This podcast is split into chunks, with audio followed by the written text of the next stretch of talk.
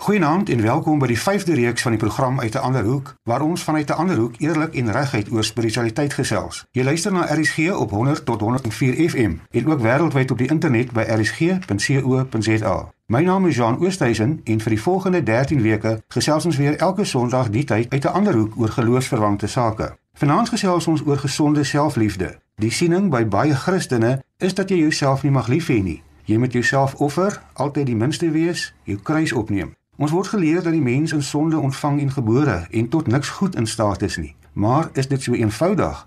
En wat is die verskil tussen gesonde selfliefde en narcisme? Om hieroor te gesels is my twee gaste vanaand, Dr Kobus Antonissen, 'n kenner op die gebied van psigoterapie en skrywer van die boek Dansend met die Lewe.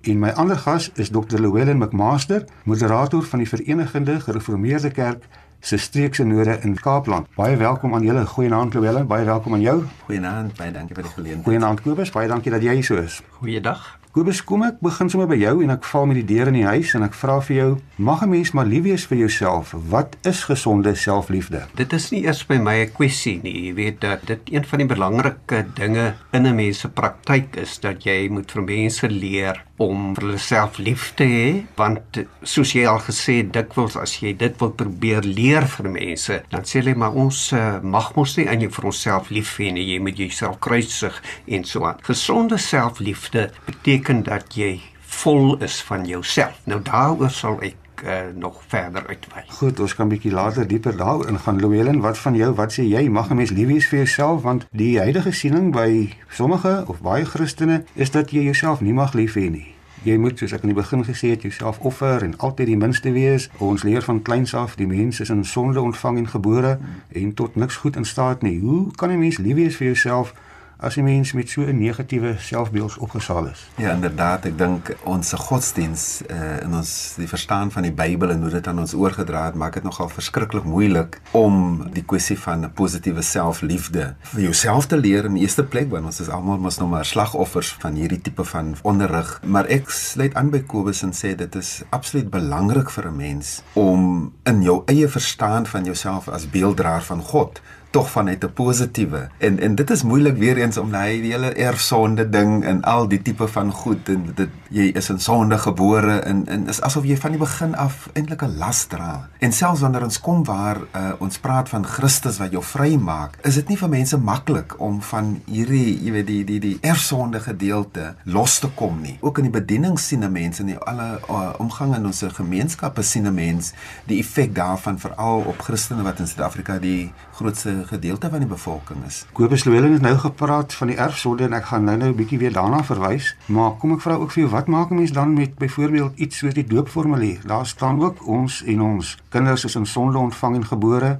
en daarom onder die toorn van God. En later word daar selfs gepraat van die onreinheid van ons siele sodat ons vermaan word om 'n afkeer van onsself te hê. Nou hoe kan 'n mens lief wees vir jouself as mens van kleins af geleer moet word om 'n afkeer in jouself te hê? Ja, nee, sien dit is wat ek die kerk in 'n sekere sin kwaliek neem. As ons reg deur die geskiedenis kyk, is die kwessie van die oordeel en die dinge op 'n manier baie voor. Jy weet die geskiedenis van die kerk is een waar bitter min oor liefde nagedink is. Die formuliere in die belydenisskrifte het die beklei oor daardie dinge hierdie plek ingeneem en ek dink ons sal oor die erfsonde en die doop se boodskap weer moet herbesin. Louwelen, daai afkeer waarvan ons praat, wil jy daarop reageer? Hmm. Dit is interessant hoe jy dit noem. Op 'n manier het dit my die laaste paar keer regtig waar getref sonder dat ek geweet het ons nou ek ooit aan die program sou deelneem. 'n Maand gelede het ons die doop moes bedien en toe spring daai stukkie so uit vir my. En ek het self moet ek ook nou erken nog nie diep te, dieper teologies daaroor gedink nie, maar dit voel vir my dit is te veel gebaseer op Psalm 51. Ek is in sonde ontvang en jy weet en so aan. Maar weer eens soos ek vroeër probeer sê het, dit lyk vir my daar word te min gemaak selfs as die ou Nuwe Testament praat van die ou Adam en die nuwe Adam. Word die nuwe Adam Christus se bevrydingswerk en verlossingswerk lyk dit vir my word onderspeel in terme van hierdie Bybelse verstaan van dit. En ek dink ons moet bietjie meer eerlik kyk na die goed. Hoe ons die bevrydingsboodskap van die Bybel sterker laat deurkom. So ja, ek hierdie prikkel my uh, persoonlik om in in geval 'n bietjie dieper te gaan dink. Uh, Llewellyn uh, prikkel my uh, met die verwysing na Christus by die doop en in my boek verwys ek daarna dat 'n afgeskeepte gedeelte van die drie eenheid, die Cinderella figuurtjie, is die Heilige Gees. Ek dink in die doop moet 'n mens onder andere die rol van die Heilige Gees en dat dit uiteindelik lyk na 'n wedergeboorte dat 'n wedergeboorte want die grondslag uiteindelik van selfliefde berus by 'n moeder die beeld van die Heilige Gees wat jou vashou en begin uh, dan op godsdienstige gebied vir jou vir jouself laat lief ja, kry. Ja, daar daar is dominees wat eintlik daai deel in die doopformulier eintlik nie eens meer lees wanneer hulle kinders doop nie. Ja. Maar Kobus, die die gevolg is baie keer wanneer mense dan so geleer word om eintlik afkeer in jouself te hê, baie keer dan ons altyd in 'n soort skynheilige nederigheid. En ek weet Nietzsche het gepraat van 'n uh, holy hypocrisy nie waar nie. Hmm. Nou daar's ou dominees wat nooit wou gesê het ek nie, alles was ons om jouself lief te hê word vandag nog beskou deur baie mense as egoïsme en selfs die handwoordeboeke van Afrikaans is nog verward hiervoor. Eh, kan dit dalk met ander woorde maklik 'n skynheilige vorm van nederigheid word as 'n mens so Dis nie eers by my 'n kwessie nie. Agter hierdie woordjie ons kruip so baie uh, skynheiligheid weg agter die die, die sogenaamde nederige nederigheid die uh, Nietzsche se holy hypocrisy die die verskil tussen selfliefde en selfsugtige liefde is nog nie goed deurdink nie hmm.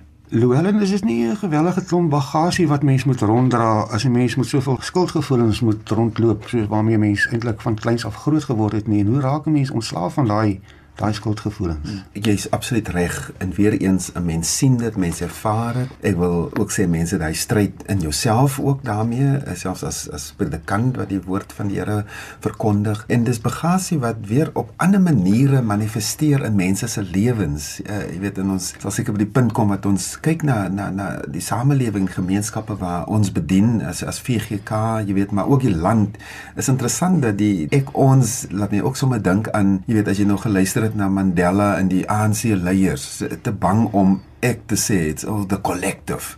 Daai tipe van ding wat positief kan wees maar ek dink is nie altyd eerlik nie. Jy weet uh, is nie 'n eerlike omgang met hierdie verstaan van selfliefde en die gawes wat jy wat jy ontvang het van die Here en hoe dit binne die gemeenskap die liggaam van Christus moet funksioneer. Maar jy's heeltemal reg ek dink daar is soveel bagasie wat die die vreugde wegneem van kerk wees van kind van die Here wees. En dan wonder mense soms hoekom lyk mense soos soos hulle lyk? En vir my is dit uh, die ergste wanneer ek na my jong mense in die kerk kyk. Dit asof ek sê altyd dit voel asof as die oomblik as hulle in die kerk stap, dan is daar straight jackets wat uit die lug uitval en wat hulle letterlik ook hulle arms vashou dat hulle nie daai vreugde ervaar nie. So daar is daar's geweldig las op Christene en op mense op die algemeen rondom die reël. Ek dink jy is reg met die eh, die ek ons, dit kan 'n skynheilige nederigheid wees, maar die ons kan ook 'n manier wees om die belang van jouself af op ander mense te plaas. Jy sien hier wil ek net inkom met 'n met 'n gedagte. Jy sien wat die mense as jy met hulle oor selfliefde praat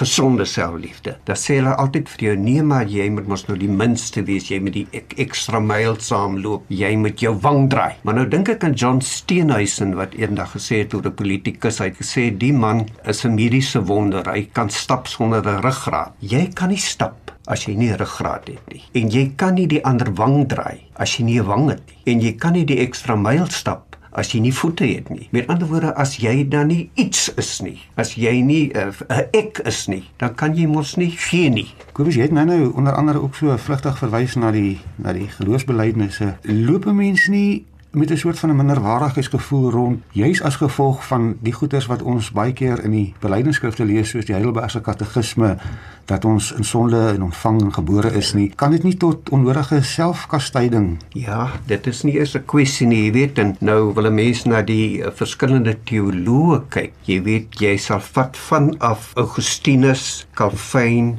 Luther uh, is mense wat nie 'n goeie onderskeid gemaak het tussen selfsug en selfliefde nie. Hulle het absoluut selfliefde sinoniem gemaak met selfsug. En daardie goed loop deur. Jy dink byvoorbeeld, jy weet, Calvin was 'n was 'n regsgeleerde en hy het regsterme gebruik die hele tyd. Jy weet, jy skuldig jy moet boet en ek dink nie as 'n mens Calvin in sy volle teologie kry dat jy Kassalm kon beskuldig van die eensydigheid nie maar hierdie eensydigheid word deurgegee Louwelen, maar wat maak 'n mens dan met die belydenisskrifte want dit is tog soos wat dit daar staan. Ek dink is iets wat 'n mens nou nie altyd hardop wil sê en jy weet in terme van die worsteling want jy onderteken mos nou by legitimasie bepaalde ding en so aan. Maar maar maar die ding wat ek baie keer mee worstel is kan Calvin en die ouens werklik die laaste sê het oor hoe ons nou dinge moet aanvaar en glo. Hulle was tog ook kinders van hulle tyd wat binne bepaalde filosofies wat se uh, raamwerke gedink het en hulle het goed geformuleer vir hulle tyd. Maar maar dit dit voel vir my asof ons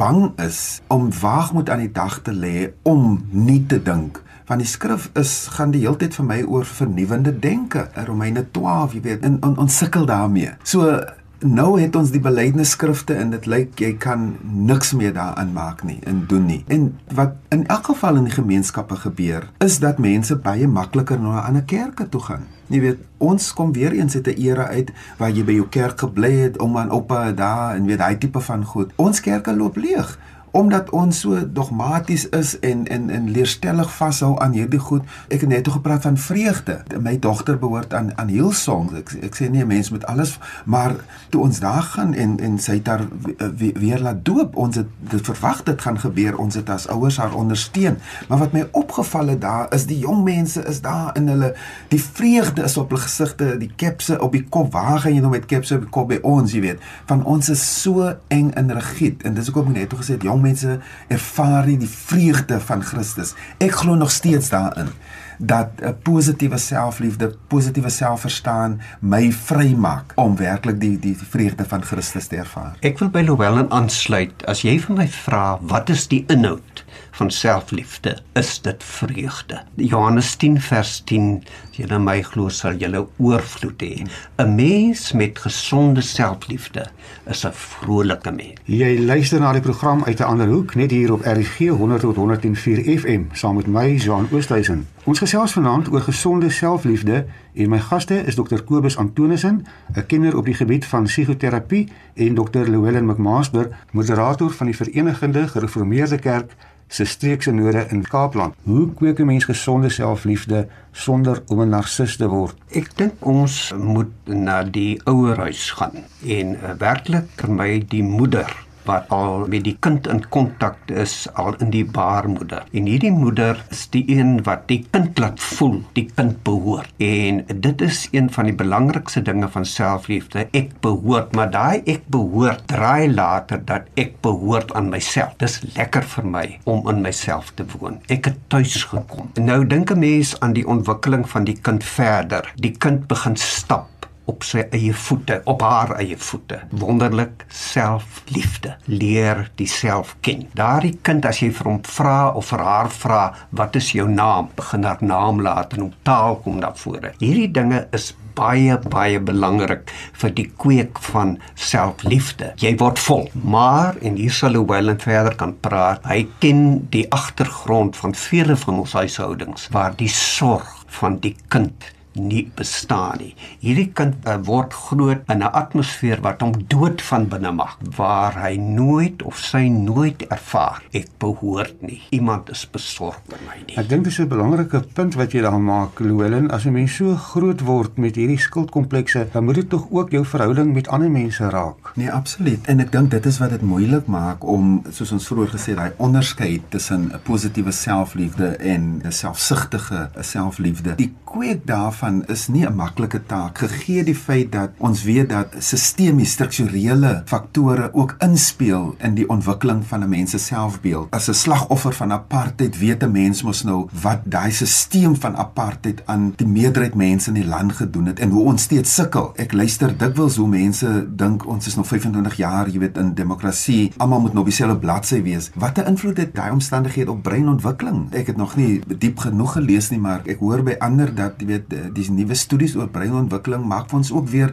nuwe goed oop. Hoe dit invloed op jou het as jy die heeltyd in 'n huis waar te veel mense is woon. Hoe ontwikkel jy 'n positiewe selfbeeld waar jy nie eers privaatheid het nie? Ons sien dit elke dag. Ek werk in 'n gemeenskap van Belha waar jy verskillende groepe mense het wat in verskillende omstandighede woon en jy sien hoe daai goed manifesteer, die swak selfbeeld, die heeltyd erg wees op jouself. Kobus het verwys na die rol van moeders. Baie moeders kan dood eenvoudig as vir omstandighede nie daar wees om my kind te nurture nie. Die manifestasies kom vir my uit in die vlakke van geweld wat ons ervaar. Jy dink nou jonger mense moet dalk beter al wees soos weet ons is mos nou die mense wat onder apartheid, maar die ontstellende ding is daai vlakke van geweld neem nie af nie dit lei eerder of dit toeneem en dit is vir my die bekommernis van as ek nie 'n positiewe selfverstaan het nie gaan ek ook nie vir jou respekteer nie en dit word die bose kringloop wat ons ervaar maar vir my bly dit en dit is hoekom ek glo ek geroep het as predikant dat ons nie kan ophou om met hierdie boodskap nie om met hierdie Johannes 10 vers 10 jy weet 'n uh, positiewe verkondiging van die lewe om dit oor te dra aan mense nie. Kobus met die skep van hierdie selfbeeld, uh, jy het nou altyd verwys ook na na kinders.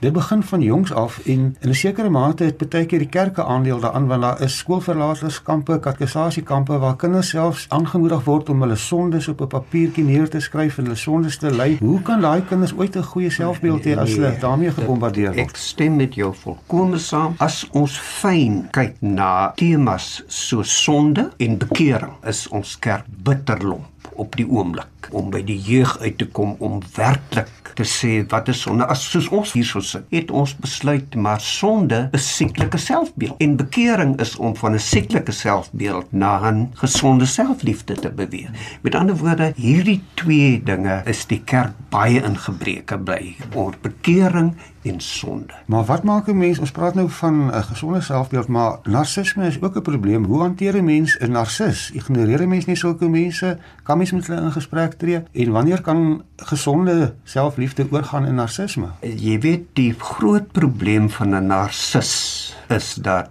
hulle ontken. Hulle ontken. Met ander woorde, dit is mense wat bitter min na hulle self wil kyk. Dit is daarom baie moeilik om die narcis tot 'n soort bekering te bring. Dikwels moet dit maar die krisisse van omstandighede, kind wat selfmoord pleeg, 'n vrou wat van jou skei, wat vir jou tot stilstand skok en dat vra, maar waar lê my fout? Maar dit is moeilik. Louwelen, hoe bekeer mense narcis? Jy's 'n dominee en uh, ek dink jy sê weer daar is selfs 'n paar dominees wat nog redelik narcisties is. Wat maak 'n mens? Ja, ek ek dink as as 'n mens narcisme verstaan in my algemene verstaan van dit in die negatiewe wat dit is, dan is dit nie ook maar net 'n ding wat soos Kobus gesê het mense net sal erken nie. So dit voel vir my dit is 'n terapeutiese pad wat daar geloop sal moet word met so 'n persoon, soos met ander psigiese versteurings of, of siektes en so aan en om daai deurbraak te maak. As predikant en ons het vroeër verwys na die Heilige Gees, ek glo absoluut nog in die krag van die Heilige Gees om uit deurbrake te maak in mense se lewens want uiteindelik ook jy het verwys nou na die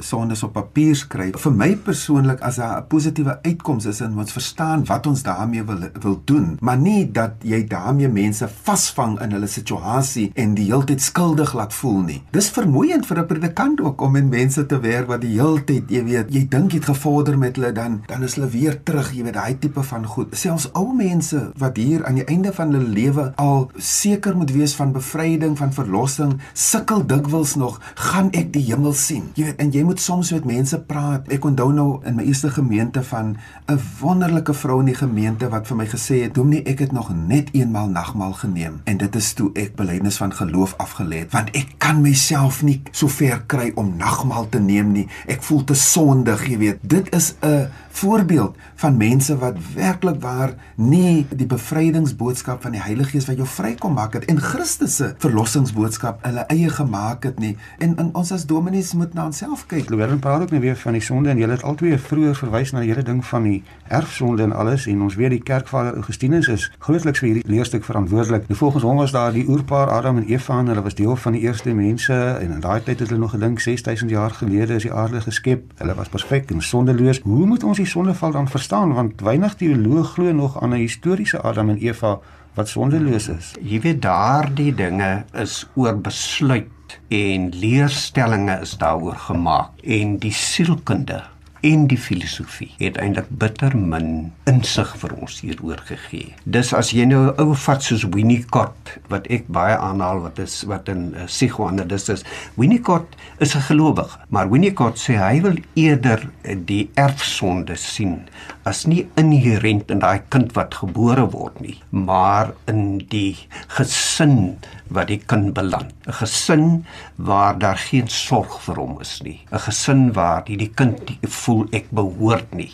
Daar as daai grondslag ontbreek, dit is die sonde wat oorgeerf. Dit is interessant, Louwelen het nou nou verwys na die belydenisse en die goed wat die ou kerkvaders gesê het en dit is asof daai goed baie keer net te veel in sy mens gegiet is dat 'n mens dalk breër daarna moet kyk en die mense moet met krities daarna kyk, maar as ek nou maar net vat die hele agtergrond dat in die eerste tyd van die Christendom bitter min oor liefde gewerk is dat insigte van die sielkunde nie daar was nie. Dan uh, verstaan 'n mens dat daar 'n leemte moet wees by die uh, belydenisskrifte. Ek wil eintlik ook dankie sê om deel te neem aan die program wat mense dink is so 'n bietjie prikkel want jy weet ons praat nou want ons kom uit die gereformeerde belydenis, so ons praat nou, maar as 'n mens tog seker feitelik ook kyk na die totale Christendom, dan maak ons ook nog mos maar 'n uh, klein deel daarvan uit. En ek wonder of dit ook nie vir ons al in die gesprek moet help om te sê ons kan voor die Here mos nou nie alleen reg wees op sekere goed terwyl daar miljoene ander Christene is wat iets ervaar wat ons in ervaar. Maar ons is so groot gemaak om enige iets anders buite ons kerk as sektaries en dwaallering en al daai goede te beskou. Jy weet en dit maak ons gebonde ek meen dit weer eens dit ontneem ons van vreugde maar hoekom gebeur hierdie ding selfsug selfsug maak dat ons nie kan uitreik na ander nie. Jan, dit wil ek nou net nie laat verbygaan nie. Ek wil net sê sieklike selfliefde maak dood. Gesonde selfliefde gee lewe. Dit lyk vir my as ek so na julle luister, 'n mens moet eintlik leer om in harmonie met jouself saam te leef, Kobus, en jy verwys ook daarna aan jou boek daar is verskillende tradisies. Miskien kan 'n mens dalk ook iets by die boeddhistiese lewensfilosofie leer want hulle praat van 'n tranquil mind. Is dit baie dieselfde ding waarvan jy praat? Jy weet uh, byvoorbeeld die boeddhisme of die hindoeïsme, ek is 'n bietjie onseker, praat van uh, jy moet jou hande oopmaak. Jy moet nie net vasmaak en gryp nie. 'n Wonderlike gedagte oor wat gesonde selfliefde is. Jy moet jou hande kan oopmaak en gee vir ander. Llewellyn is dit dan eintlik die die slotsom waar ons na toe moet kom, naamlik liefde soos wat Jesus gesê het toe hy ook gepraat het van jy moet jou naaste lief hê soos jouself, dat jy jouself maar mag lief hê. Dit is nie verkeerd om jouself lief te hê nie. Dit moet net nie oordrewe selfliefde wees nie. Ek het dit nog altyd so verstaan, soos ons ook maar geleer het, jy weet enigiets wat te is is problematies en dit is 'n feit, maar ek dink dit is werklik so. Vir my net as ek nou 'n woord amper sê finale woord sê, dan gaan dit vir my maar elke keer oor die totale omvang van evangelie en nie net selektief omgaan oor hierdie Bybelboodskap wat lewe en bevryding en vreugde bring. En ek hoef nie vandag hier te sit en te dink, jy weet, dit is nie waar nie.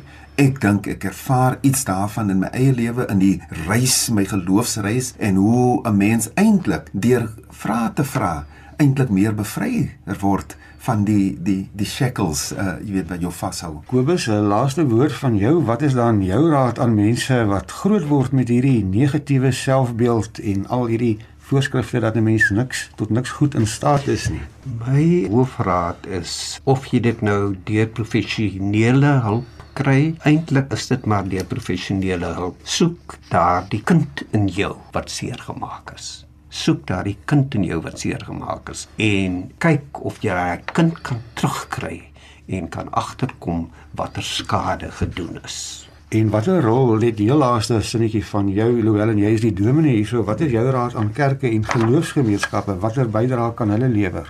Ek dink ons moet baie meer doen met kinders. Ek ek stem ook daar saam want jy weet die groot mense sal so gevorm in hulle denke, maar jy het ook die groot mense nodig, soveel moontlik van hulle om daai switch te maak. En hoe meer mense dit doen, is soos in my eie gemeente, jy weet jy begin met Bybelstories, is maar min mense wat kom, maar jy hou aan omdat jy weet hoe dieper ons in die Bybel gaan, hoe meer ons gesels, hoe meer gaan ons begin verstaan en dan die ruimte skep. Kobus het net nog praat van die erfsonde as ek dit nou reg verstaan van die gesin, maar ek dink die kerk en ons kan die samelewing vat dat dit eintlik is, jy weet wat al van kleins af kinders dooddruk om nie te word wat God wil hê hulle moet wees nie. Baie dankie aan my twee gaste, Dr Kobus Antonissen, 'n kenner op die gebied van psigoanalise en skrywer van die boek Dansend met die Lewe, en ook aan Dr Llewellyn McMaster, moderator van die Verenigde Gereformeerde Kerk se streekse Noord Kaapland. My naam is Jean Oosthuizen en jy het geluister na die program uit 'n ander hoek waar mense van verskillende gelowe en ook mense wat nie aan 'n spesifieke geloof behoort nie vir die volgende 13 weke weer vanuit hulle hoek oor spiritualiteit gesels. As jy jou mening wil gee, stuur vir ons 'n SMS na 45889. Dit kos jou R1.50 per SMS of gaan like ons Facebookblad uit 'n ander hoek. My e-posadres is jean.oosthuizen@gmail.com of volg my op Twitter. Onthou, hierdie program en ook al die vorige reekse se programme kan ook as 'n potgooi afgelaai word op RSG se webwerf by rsg.co.za. Van my, Jean Oosthuizen, dankie dat jy saam met ons geluister het. Tot volgende week, dieselfde tyd en dieselfde plek, weer net hier op RSG. Goeienaand en geniet die laaste paar uur van jou naweek.